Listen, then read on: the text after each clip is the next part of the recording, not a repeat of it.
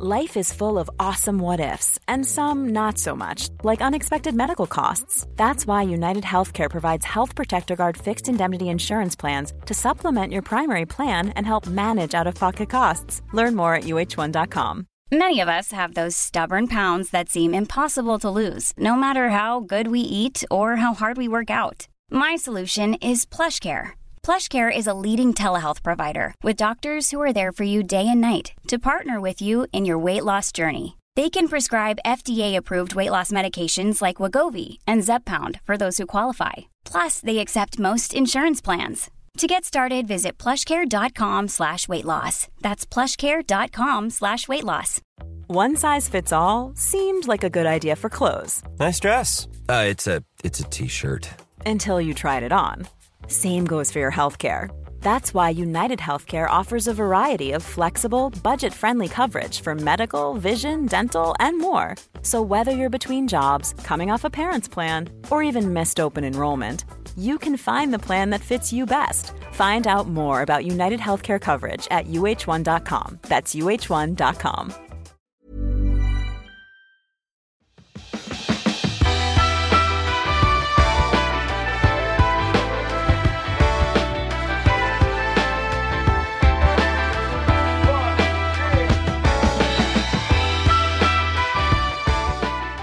Hej och välkommen till Klimakteriepodden med mig, Åsa Melin. De flesta av oss kan inte låta bli att fascineras av offentliga personer, det är helt uppenbart. För varför har annars en medelålders programledare och författare långt över 100 000 följare på Instagram? Ja, kanske för att hon verkar så otroligt sympatisk. Jag måste säga att jag beundrar Agneta Sjödin för att hon har varit med och satt ett ansikte på klimakteriet. Hon visar tydligt att man inte behöver rasa ihop eller bli en gammal tant bara för att man kommer i klimakteriet. Och i det här avsnittet så berättar hon om sin upplevelse, både fysiskt, psykiskt och professionellt. Så välkommen att lyssna.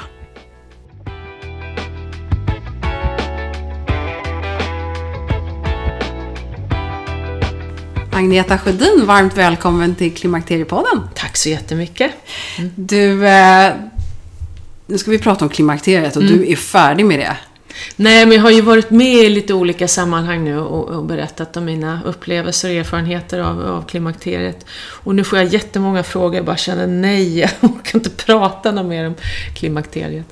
Jag Nej. känner att jag vill liksom inte förknippas allt för mycket med det. Jag har gjort en liten del i alla fall. Ja. Så att jag, Men jag hoppas att det kommer fram några andra face som tycker att det är kul att prata om det också. Men jag tror att eh, jag är väldigt glad för att du ville vara med i Klimakteriepodden. För det betyder mycket att en person som du kan vara med och normalisera och hjälpa till att öppna upp diskussionerna och förståelsen för klimakteriet. För det tar sig så olika uttryck för kvinnor och trots eller på grund av, det är faktiskt ingen sjukdom. Så, men alla upplever ju det här väldigt eh, olika. Så att, Du är ju liksom en offentlig person, du är väldigt folkkär, du har alltid förknippats med att vara så här glad och härlig och snygg och alla tycker liksom du är så fantastisk. Eh, Men då när du fick ett ansikte i den här tv-serien Klimakteriet, det ska hända dig med. eh, Var det så självklart och liksom, hur, hur resonerade du innan du ställde upp där? Nej, men jag tänkte nog att det, att det skulle vara bra eftersom jag hade väldigt mycket problem med PMS och humörsvängningar runt PMS. Några dagar varje månad och eh, det hade börjat pratats mer om det, att unga tjejer, eller ja, yngre än jag i alla fall, hade börjat prata mer om det i morgonsoffor och sådär. Så kände jag att men vad skönt att de går ut och pratar mer om det här och informerar för att det är jävligt tufft att ha PMS och, och svår PMS där man känner den här aggressiviteten som jag kunde känna av. Och då tyckte jag att det hade varit så skönt om de hade pratat om det när jag var mitt i det. Eh, för att det gick ju några år innan jag, utan att jag ens förstod vad det handlade om. Eh, tills jag började skriva dagbok och började liksom få koll på att, ja men vänta, så här kände jag ju för en månad sedan också. Då fick jag lite bättre koll och då kunde jag prata med en gynekolog och sådär. Så det är mycket som händer med kvinnor som man inte så man inte riktigt förstår vad det är. Och speciellt om man lever också en stressig vardag och man jobbar många timmar, man har barn som ska till, det är skola och det är träningar och allt möjligt. Och man ska hinna med och hela samhället pressar på med hälsotips och råd och träning och rätt kost och sådär. Så kan jag tänka mig att man hinner liksom inte ens stanna upp och känna efter liksom. Hur mår jag liksom? Hur, hur reagerar jag? Reagerade jag så här för att det är hormonsvängningar eller var det för att det var en någon galning som tutar på mig i trafiken. Varför, vad är det som händer i mig? Jag tror väldigt få hinner med och fundera på de där bitarna för att det finns alldeles för lite information. Och då kände jag någonstans när, det där, när jag fick den där frågan, kände jag, ja men jag tycker att det var bra att de har börjat prata om det nu, för då vet jag att de kommer att hjälpa. Och då kände jag, ja men då ska jag i alla fall berätta om, så att det inte blir så tabubelagt. För det mm. kan det ju bli. Sen är det ju lite olyckligt kan jag tycka med, för jag tar ju östrogen. Och där kommer det emellanåt lite forskningsstudier på att det skulle vara farligt och sådär. Så när jag har hört från de jag, forskare jag har pratat med att det inte är farligt. Och de där dubbla signalerna, det blir ju också då att väldigt många vänder sig emot det. Och så går de hellre runt och mår dåligt och sådär. Och då skulle jag vill jag i alla fall uppmana folk till att ta reda på lite mer, att hitta en bra gynekolog att prata med. Och jag vet inte om det finns jättemånga bra gynekologer där ute, men att Nej, om man mår väldigt dåligt så känns det ändå viktigt att det är att man liksom tar reda på saker och ting, hur man kan må bättre. Och att man har ett bollplank som du ja, säger. Ja. Men när du då valde att ställa upp och, och, och, berätta personligt, var det då liksom ett sätt att betala tillbaka och dra ett strå till stacken? Är det så du, du tänkte? Ja, betala tillbaka vet jag inte riktigt. Det var nog mer att jag tänkte att, eh, att jag ville sätta lite mer fokus på det. Så att det inte skulle vara, kännas så tabubelagt. Och det blir ju som offentlig person så har man ju den, den förmånen att det, man kan dra fokus till, till vissa saker. Och så är det andra som kan kliva fram. Efter man själv har gjort det så är det andra som kan kliva fram. Läkare, och forskare och gynekologer. Du vet, kan få lite mer eh, spelyta och åhörare. Så mm. det, det, var väl en sån tanke som det fanns någonstans. Mm. Mm. Men du, vad, du, om vi går tillbaka lite grann. Eh, du berättade ju om din PMS. Men sen mm. så glider ju PMSen in i någon slags klimakterie. Hur förstod du att du var i klimakteriet överhuvudtaget? Ja, alltså jag fattade ju inte det. För att jag, min mamma hade inte pratat om det. Min syster hade inte pratat om det. Och jag trodde väl... Eller jag hade någon sån här tanke av att det skulle vara positivt med klimakteriet. För då skulle man slippa PMSen och blödningar. Och då såg jag, gud vad skönt när man kommer in i det. Då slipper jag min PMS. Tänkte jag, för den hade varit så himla tuff. Så att jag, jag visste, jag hade liksom ingen fokus på det här med vallningar och sånt och alla drabbas ju inte heller. Men så att när de här första vallningarna kom som en sån skjuts, jag kommer ihåg att jag satt och jobbade och skrev, så fattade jag liksom inte vad det var. Och jag i min flummiga värld så tänkte jag att men det här är någon form av energihöjning. Jag kommer ihåg att jag började googla på det också. Vad händer i kroppen när man liksom... Energihöjningar. Det finns ju faktiskt sånt man kan hitta på nätet. Såklart! Men, eh, och då ringde jag faktiskt till en, en annan flummig kompis som jag tänkte hon har någon koll på det här. Och då var det hon som sa att Ja, men tror du att det kan vara att du är på väg in i övergångsåldern, i klimakteriet? Jag bara, va? Nej, och du vet, jag kände mig så ung och pigg och fräsch. Och, så att det fanns liksom inte ens på kartan. För det kändes som det är något som drabbar tanter. Men tanter, alltså de som var tanter liksom för, ja, för 50 år sedan, de är ju inte tanter idag liksom. Det, det är ju inte riktigt så det ser ut. Man är ju tant när man är typ ja, väldigt mycket senare i livet. Så därför så, så känns det, så, det är ju inget som drabbar tanter, det är ju något som, som drabbar mogna kvinnor helt mm, enkelt. Mitt i karriären, mm, mitt i livet. Mm. Ja. Du, eh, när, eh, när du väl liksom började då ta tag i det här, så vad, vad gjorde du då? Ja, då har ju jag, jag, eh, har jag sån tur att jag har en sån fantastiskt bra gynekolog som dessutom har forskat på det här. Så att hon var här i Nacka. Och henne hade jag sen innan.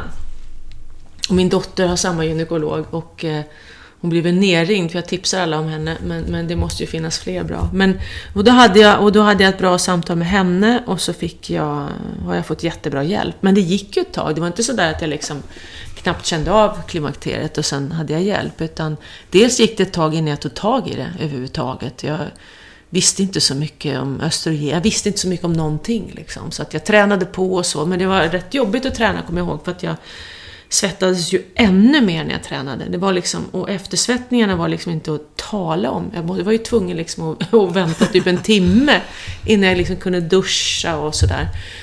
Så att allting var mycket jobbigare. Jag hade jättemycket hudproblem fick jag. Jag fick ju akne som jag typ aldrig har haft, nästan.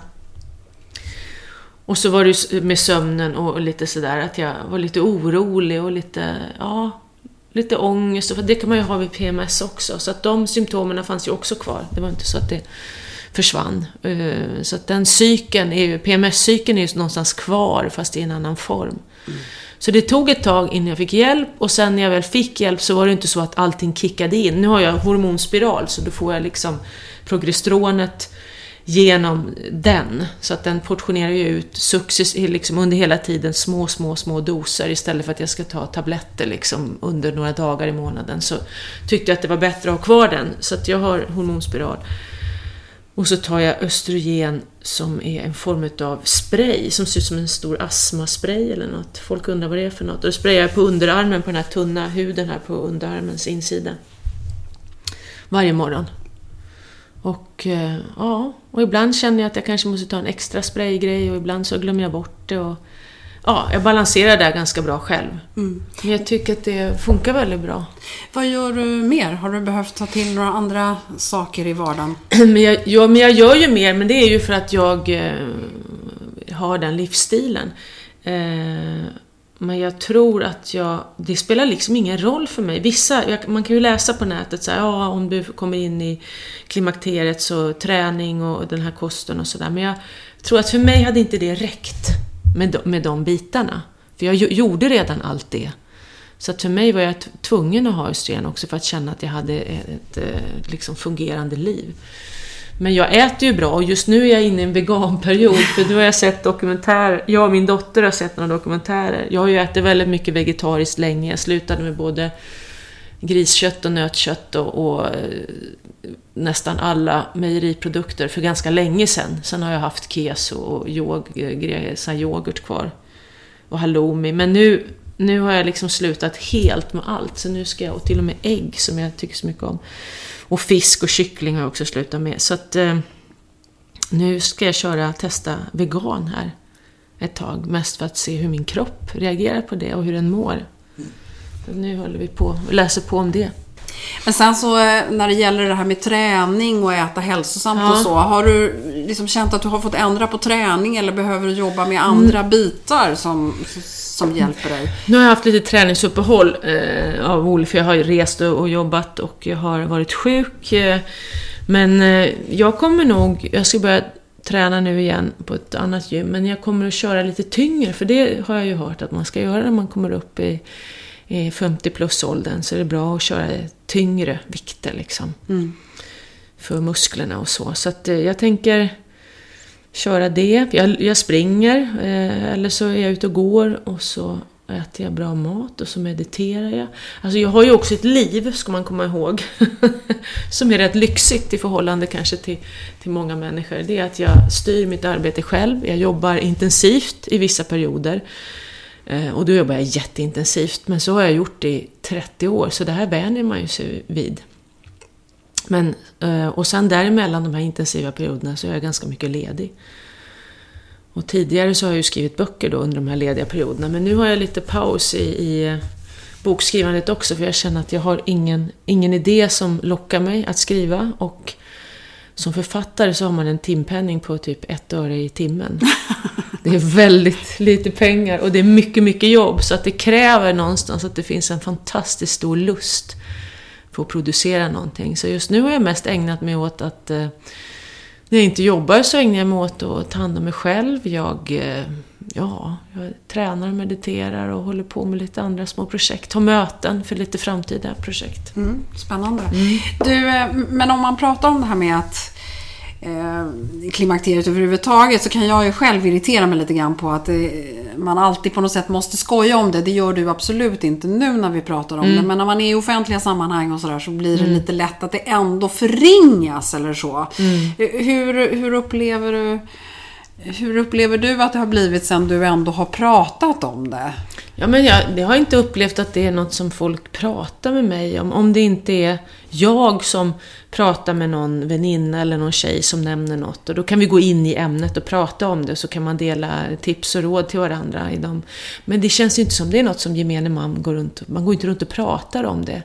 Nej, för jag tänker så här ändå med uppdragsgivare, du jobbar ju ja. ändå i en bransch där man ska vara ung och man ska ja. vara vacker och man ska vara stark och mm. framgångsrik och, och så.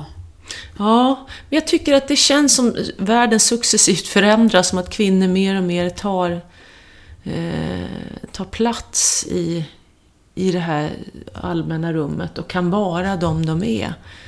Eh, det blir en annan... Nu är ju det här Sverige och jag, jag vet att det är liksom naturligtvis inte eh, bra på alla områden i Sverige heller, men det känns ändå som att för varje år som går så får männen en större förståelse och acceptans och kvinnorna också får liksom det för sig själva och vågar liksom ta plats och sådär. Så är det i Sverige, så är det inte i stora delar av världen. Så att vi har ju väldigt mycket att vara tacksamma för också. Känner inte den där pressen på mig från arbetsgivare att jag skulle måste vara på något visst sätt. Eh, utan det kan ju i sådana fall komma från en själv för att man liksom har synts i, rutan i 30 år. Att man kan känna den stressen och konkurrensen från kollegor eller nya unga förmågor som pockar på och sådär. Så att, eh, och de som du jobbar med, om man tänker nu mer, inte kanske de kollegorna som syns i rutan, utan mm. teamen bakom. Finns det en, en, eh, Jag tänker på det här när man blir äldre som mm. kvinna. Mm. Blir man behandlad annorlunda än de yngre kollegorna? Finns det liksom en... en jag vet inte. Det, grejen är, det är så sjukt. Jag ser mig fortfarande som jag liksom inte är äldre. Du vet, jag ser mig så här, ja men jag är 30-ish någonting. 35, 38. Jag lever ju i det och, och, och TV-branschen är ju väldigt sådär äh, blandade åldrar. Det är allt ifrån de här äh, praktikanterna som kommer in som är liksom strax under 20 eller runt 20 någonting. Och, så, och till de som är liksom, ja, över 50, 60 och sådär. Så att det...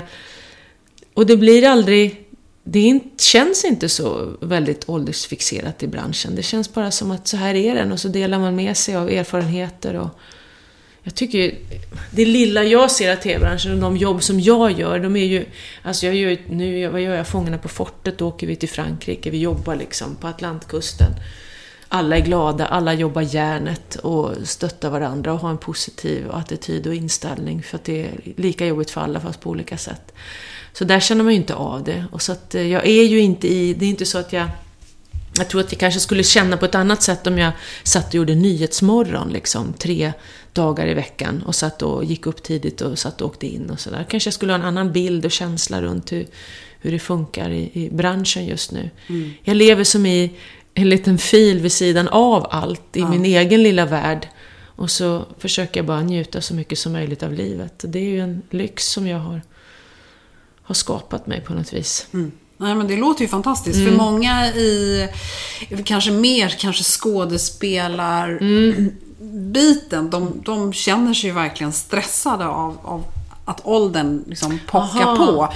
Ja, fast jag tänker så här också. Det där tror jag också kommer att avta. För att jag skulle kunna tänka mig att hoppa in i den biten nu. Och det är ju sådana planer jag har. Men, men där är det, det finns ju in, det har aldrig producerats så mycket drama som det gör nu. Överallt. Du har HBO och Netflix och du har både på Fyran och Kanal 5 och SVT och Trean. Alla producerar drama för att det är det som folk tittar på. Det, är ingen som, som, det har blivit jättepopulärt. Och där behövs ju alla åldrar. Så den där stressen hoppas jag lägger sig. Alla kan ju liksom inte vara 25 år. Någon måste ju liksom vara mamma och mormor och någon chef. jo, men, men förstår du? kanske vi som tittar på de här serierna, ja. vi vill ju inte heller se bara 30-åringar. Nej, nej. och det är ju verkligen vi som tittar på de här serierna. Mm. Så att eh, det där tror jag, den stressen kommer nog att släppa i och med. Och det kommer inte bli mindre dramaproduktion. Ja. Så att det finns ändå, du upplever ändå att det finns en, en bra attityd. För det är väl lite det man som utomstående får en känsla av. Att det, kanske attityden är lite tuff i branschen. Alltså ja, ja, och det kanske den är. Det, alltså den är ju rätt cynisk och hård och det gäller liksom och det är väldigt mycket så här svågerpolitik och vem är kompis med vem och så, så funkar ju den här världen och branschen och kanske inte bara den här branschen men jag tror att jag är nog fel person att fråga i de här sammanhangen, för jag lever liksom, min, jag väljer ju att se det jag vill se. Mm. Så lever ju jag. Jag lever ju väldigt mycket efter attraktionslagen. så att jag väljer inte, jag väljer bort det där. Jag letar liksom inte efter problemen. Och, utan jag försöker verkligen fokusera på det jag vill se och så som jag... Eh, ja, för då förstärks ju den upplevelsen någonstans. Ja, nej men det, är, det är väl också den här världen vi lever i. Där Ja. det finns ett, något fult med åldrandet generellt och att det är så mycket yta. Och det, är all, jag menar, det är ju ingen som vet att det har tagits 150 bilder innan en postas på Nej, sociala nej, nej. medier. Så Ja, ja, ja. Alltså hela den här, eh, det finns ju en förföljelsemani i hur ytan ska vara. Ja. Liksom. ja, visst är det så. Och det är tragiskt. För det, det vill man ju tona ner naturligtvis, för det drabbar ju de unga. Det drabbar ju de här som håller på att växa upp för att försöka skapa sig liksom en uppfattning om vilka de är och vad de vill med sina liv. De har ju fullt upp med att kolla liksom på vad som händer utanför deras egen inre värld och jämför sig med allt och alla. Så att då är det, det är väldigt olyckligt kan jag tycka. Och då... Ja, jag vet inte vad man gör åt sånt. Jag försöker att äh, inte vara så mycket på sociala medier. Och när jag lägger upp saker försöker jag också tänka på att det inte ska vara någonting som ska hetsa någon till något.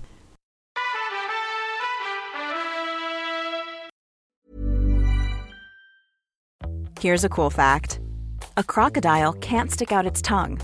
Another cool fact you can get short term health insurance for a month or just under a year in some states. United Healthcare short term insurance plans are designed for people who are between jobs, coming off their parents' plan, or turning a side hustle into a full time gig.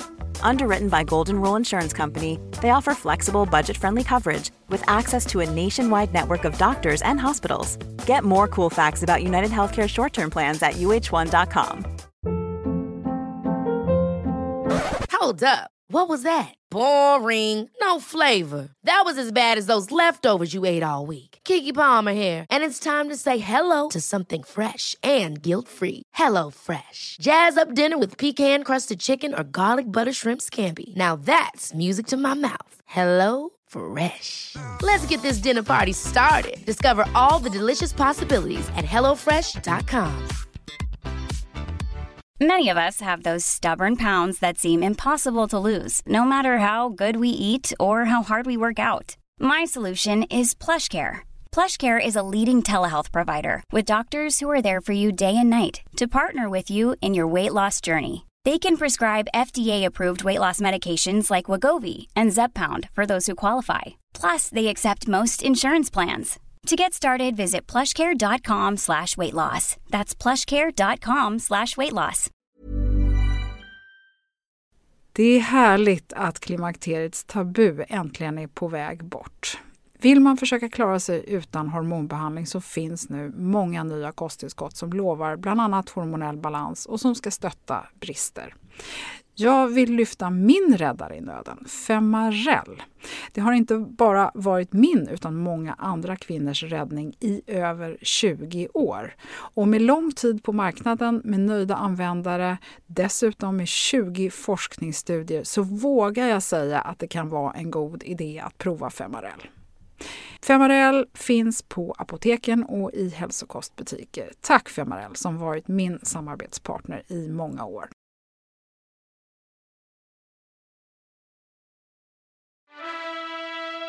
Du har ju en dotter som har valt att gå sin egen väg och kasta sig ut i världen i ett yrke som är ganska utsatt. Ja, det är ju verkligen. Och, och dessutom när du kliver ut i världen också, då har du ju hela värld, världen att konkurrera med.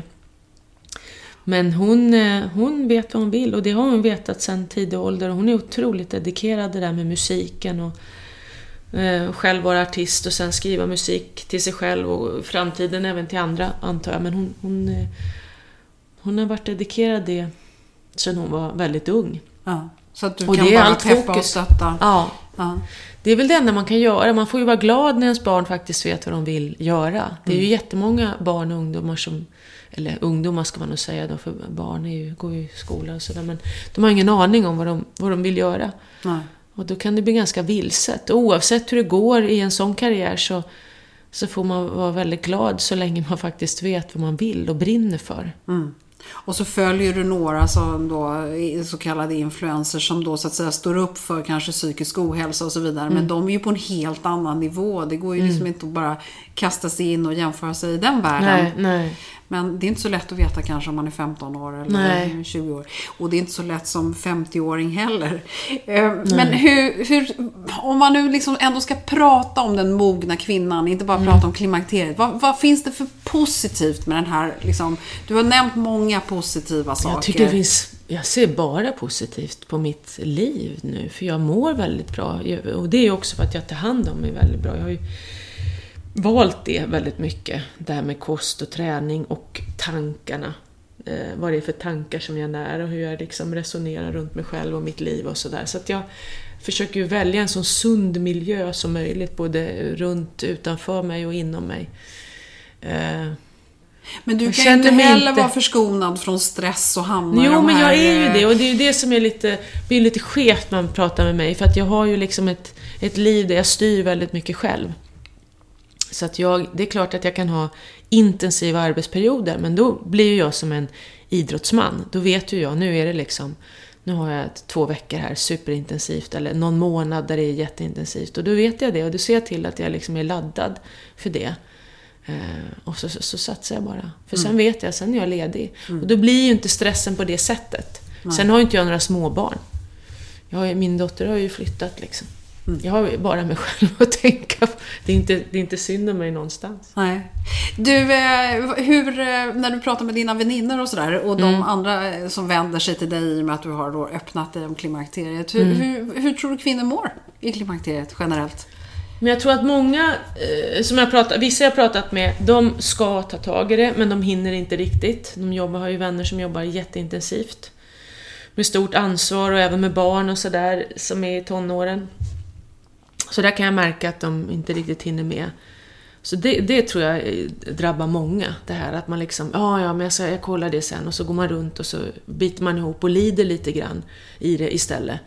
För att man känner den här stressen att ta tag i saker. Eh, och det, vet, boka, åka till en gynekolog eller till sjuk, det är liksom, det sitter ganska långt in. Eh, så så det, det kan jag ju märka, men eh, det kan vara svårt också att få liksom tillgång till sjukvården. Det är långa, det är mycket väntan. Ja, men och sen också att det här att förstå att man kanske behöver vården. Ja, ja. Eh, Jag tror att många kvinnor, de är då uppe, precis som du säger, i den här stressen och Mm. man är i någon slags eh, hjul och så Mm. plötsligt så svarar inte kroppen som de har gjort förut. Man sover Mm. dåligt och alla de här sakerna händer. Men man kopplar inte ihop det med klimakteriet eller hormonell obalans. nej. Utan det är något annat. Ja. Det är det här diffusa. Ja visst, det kan säkert vara att de känner att det är för mycket stress eh, på jobbet och jag kanske är på väg att gå in i väggen eller du vet. Det kan ju vara massor med saker som de tänker att det kan vara. Och det är ju inte alltid som att sjukvården har svar på alla symptomer heller.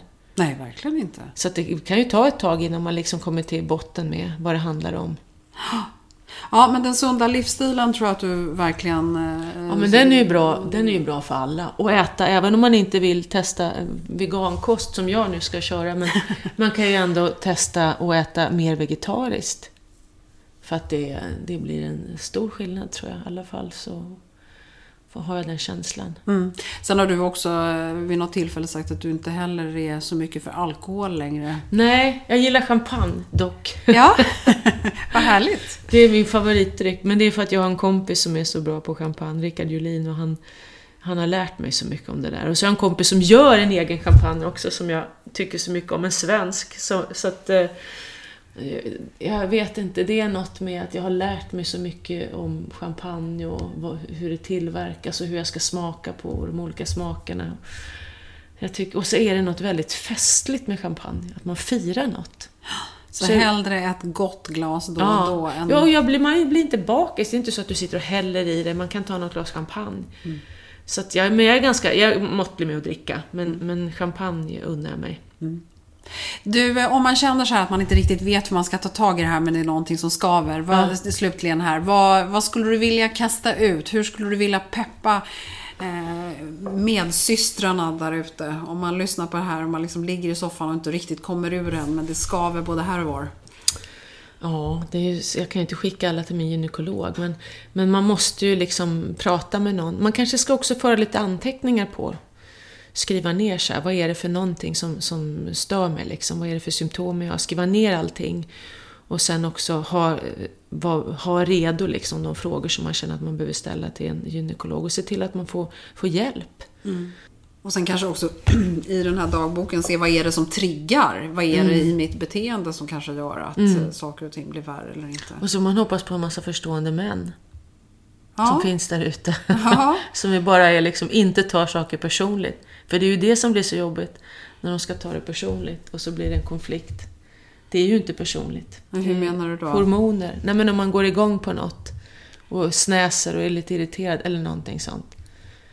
Då är det så lätt nu för att någon är känslig och tar det personligt. Och det handlar ju inte om det. Det, handlar, all, all, det är ju aldrig något som är det egentligen. Allting handlar om din egen inre värld och vad som triggas i dig och så. Mm. Ja, och sen är det där med att få motion och få i sig bra kost. Dricka mycket vatten är bra, typ tre liter om dagen och sånt där. Jag dricker mycket vatten. Jag försöker tänka för att jag, jag vill leva och känna mig frisk så länge som möjligt i livet. Och jag tar ju inte så mycket mediciner och piller och så. Jag är ju ingen sån som tar liksom hur lätt som helst saker utan men, men däremot så tyckte jag att de här hormonerna har hjälpt mig jättemycket. Och jag kan förstå att det finns de som är motståndare mot det, men det kan man ju också ta med en gynekolog om man går och pratar med någon. Och då får man vara ganska bestämd. Då får man säga det, att jag, jag vill eh, se vad det finns för alternativ. Eller om man träffar en gynekolog som är emot östrogen, får man säga men jag vill ha, jag vill ha det här. Vill, du vet, man måste ju vara bestämd också och veta själv lite grann vad man vill Ja. och inte vill. Nej, men jättebra. Peppande, tycker jag. Mm, jag hoppas det. Ja, nej men tusen tack. Det Mm. här kanske var sista gången du pratade om klimakteriet. Ja, på ett tag. Jag har fått några sådana här frågor och skriva någonting men jag, jag kände att nej, jag, jag, jag pausar det lite för nu har jag varit med på lite olika saker. Ja. Så att, eh, ja. Ja, men då är jag och Mm. alla som lyssnar extra glada för det här. Nästa gång kanske du ska börja prata om eh, något helt annat. Det är Ja. liksom pensionärernas återtåg. Precis! Då är det ett tag till vi ses. Ja. Nej, men det var spännande saker i pipen, Mm. så vi håller utkik efter det. Och vill man följa dig så finns du på Instagram, inte så svårt att hitta. Nej. Eh, och eh, jag har förmånen att sitta här och se den här fantastiska utsikten Ja. som vi får se på din Instagram titt som tätt här. Förstår du vad bra jag har det? Ja, jättehärligt. Jag uppskattar jättemycket att jag fick komma hit Ja, Agneta. jättekul. Ja. Tack snälla. Tack.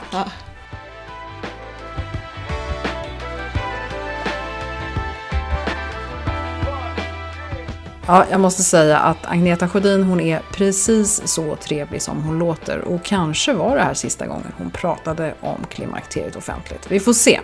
Oavsett så känner jag mig väldigt glad för att hon ville dela med sig till dig och mig här i Klimakteriepodden. I nästa avsnitt så ska vi tala om sköldkörteln. Den här lilla körteln sitter under adamsäpplet och att den skickar ut sitt hormon i rätt doser är livsviktigt för att vi ska må bra. Men visste du att symptomen på att sköldkörteln inte fungerar som den ska är väldigt lika klimakteriebesvär? Typiska tecken är hjärndimma, viktökning, ledvärk eller att känna sig frusen och håglös. Känns kanske igen. Och vad händer då när man buntar ihop sköldkörtelproblem med klimakteriesymptom? Jättespännande avsnitt, så missa inte det. Under tiden så får du gärna höra av dig till mig om du har några frågor som du vill att Klimakteriepodden ska ta upp i kommande avsnitt. Du får kontakt med mig, Åsa Melin, på info.klimakteriepodden.se eller via hemsidan eller Facebook och Instagram. Och där får du självklart också gärna följa Klimakteriepodden. Det finns fortfarande kvinnor som inte lyssnar på Klimakteriepodden. Berätta varför de har glädje av det och var med och skapa ännu större förståelse och kunskap kring det som rör halva befolkningen. Tack för att du har lyssnat och välkommen snart igen. Hej då!